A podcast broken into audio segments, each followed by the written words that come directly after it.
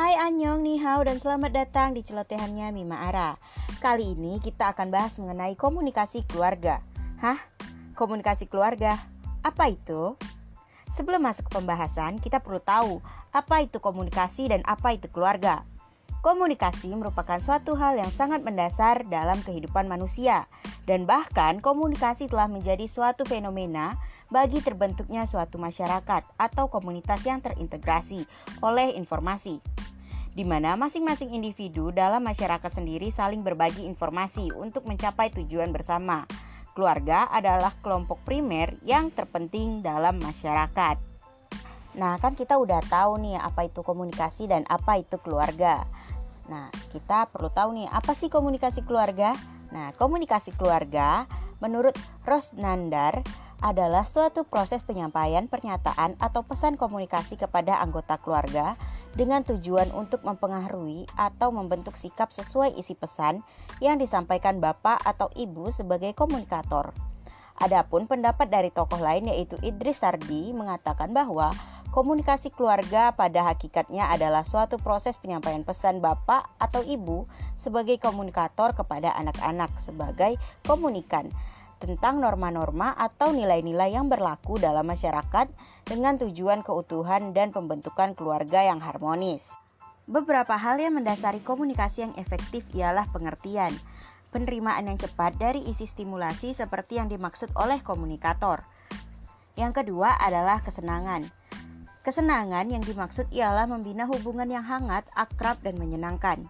Yang ketiga adalah mempengaruhi sikap. Komunikasi di sini adalah bagaimana proses mempengaruhi pendapat, sikap, dan tindakan yang diinginkan oleh komunikator. Yang keempat, hubungan sosial yang baik. Komunikasi ditujukan untuk menumbuhkan hubungan sosial yang baik. Artinya, terbina komunikasi antara komunikator sehingga menghasilkan komunikasi yang baik. Yang kelima adalah tindakan. Persuasi yang ditujukan untuk melahirkan tindakan yang dikehendaki. Jadi anak dibujuk lah untuk mendapatkan tindakan yang sesuai ya. Namun dalam hubungan berkomunikasi antar keluarga pun sering terjadi beberapa hambatan. Nah, yang pertama adalah stres dan emosi yang tidak terkontrol.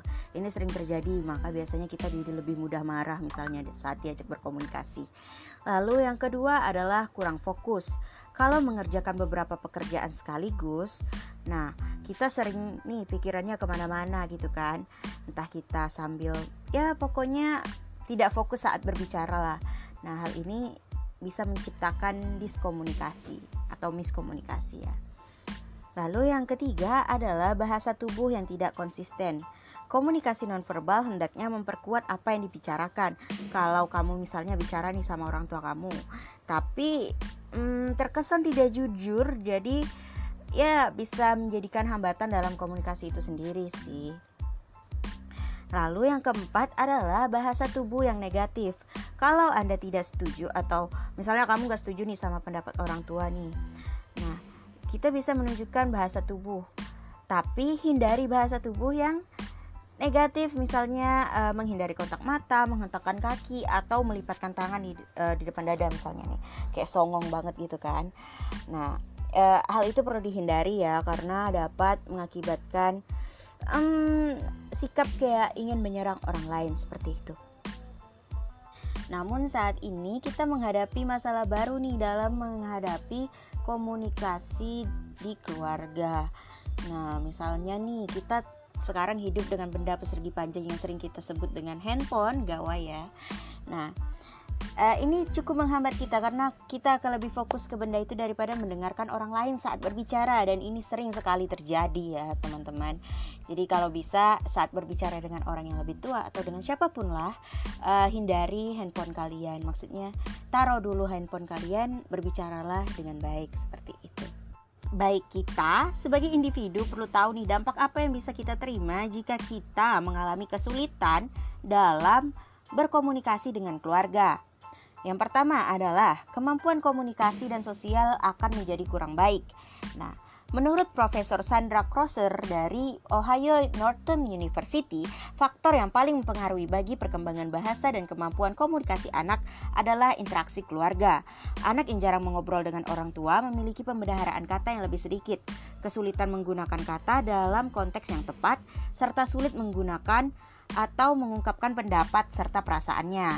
Nah, selain itu ada dampak lain nih, anak menjadi kurang percaya diri ataupun mereka akan sulit untuk bersikap sesuai dengan norma sosial yang berlaku saat bergaul. Yang kedua adalah hubungan keluarga yang kurang erat. Ketika orang tua dan anak jarang mengobrol, rasa saling percaya di antara keduanya melemah. Tidak heran kalau akhirnya terjadi kesalahpahaman karena orang tua sering merasa tidak didengar dan anak merasa tidak mendapatkan dukungan yang dibutuhkan. Padahal, berdasarkan hasil yang dilansir oleh The National Center of Biotechnology Information, dikatakan kalau hubungan keluarga yang tidak erat karena kurangnya komunikasi dan perasa percaya dapat mengganggu perilaku dan kualitas hubungan anak di masa depan. Yang ketiga adalah masalah perilaku. Kesehatan mental serta perilaku negatif juga bisa muncul sebagai dampak jarang ngobrol dengan anak. Dari suatu studi tentang hubungan orang tua dan anak yang dilakukan oleh peneliti Ziwin Zhao dari Universitas of Houston, Diketahui kalau kurangnya komunikasi dalam keluarga membuat anak lebih rentan terkena depresi dan gangguan kecemasan. Anak yang jarang ngobrol dengan orang tua juga sering kesulitan mengungkapkan ekspresi secara sehat, sehingga cenderung menyalurkannya melalui perilaku yang negatif ya misalnya. Yang kita tahu ada yang namanya self harm, di mana anak menyakiti dirinya sendiri, ataupun bahkan bisa menyakiti orang lain nih. Ini cukup bahaya ya. Yang keempat, perkembangan anak terabaikan karena jarang ngobrol, orang tua jadi tidak banyak tahu nih tentang berbagai kendala yang dihadapi anaknya. Nah, padahal dengan mengobrol ini orang tua dapat membantu mengembangkan anak secara emosional dan kecerdasan. Jadi anak bisa tahu nih bagaimana cara memecahkan masalah yang dihadapinya, serta orang tua bisa mendukung bakat dan minat anak sehingga anak menjadi seseorang yang ya bisa dibilang berhasil bagi dirinya. Nah, kita udah tahu nih kan dampak negatifnya buat ke depannya kita jadi harus bisa lah ya menghindari hambatan yang ada ini. Nah, buat teman-teman yang udah berkeluarga ataupun yang seperti saya yang belum berkeluarga, kita perlu tahu nih bagaimana cara agar komunikasi dalam keluarga ini menjadi efektif. Nah, ada lima cara yaitu uh, respect. Orang tua dan anak harus memberikan respect yang sesuai antara satu dan yang lain. Yang kedua adalah empati. Nah, orang tua jangan tidak menunjukkan emosinya. Nih jadi kalian harus tunjukkan kalau kalian benar-benar menyayangi anak kalian.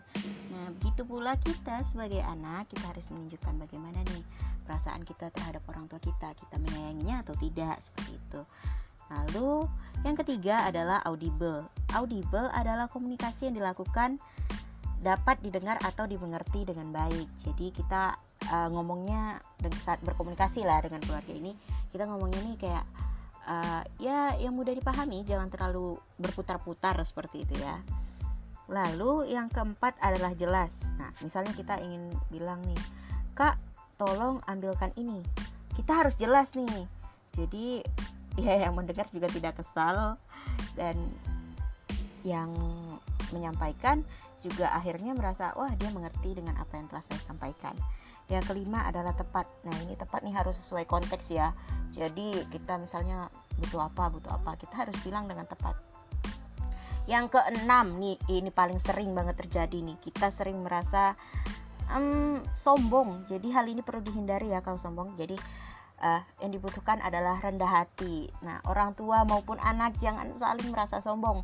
Orang tua tuh merasa aku adalah orang tua dan akhirnya menjadikan dirinya sombong nih anak harus mendengarkan. Pokoknya anak harus dengar apa yang saya sampaikan. Tidak mau tahu tidak. Uh, pokoknya harus harus dan harus. Seperti itu. Sedangkan anak juga memiliki pikirannya sendiri. Anak juga ingin didengarkan nih. Jadi kadang anak yang merasa dirinya uh, udah hebat malah akhirnya menjadi sombong nih. Nah, ini juga perlu dihindari ya. Kalau agak melenceng ya. Ya begitulah Nah, sekian podcast kali ini. Harusnya sih 7 menit aja ya, tapi nggak sadar juga udah sampai 10 menit pembicaraan kita kali ini. Uh, sampai jumpa di siniar berikutnya. Nah, nah, kalian mau bahas apa nih? Misalnya mau ha, ya hal-hal yang menyenangkan misalnya ataupun hal lain selain ini yang pengen kalian bahas tapi kalian males buat baca ataupun cari tahu sendiri, boleh nih kalian nih uh, hubungi ke @mimara. Di situ adalah akun Instagram aku. Jadi kalian bisa hubungin aku ke situ. Dan terima kasih telah mendengarkan siniar kali ini. Sampai jumpa di siniar berikutnya.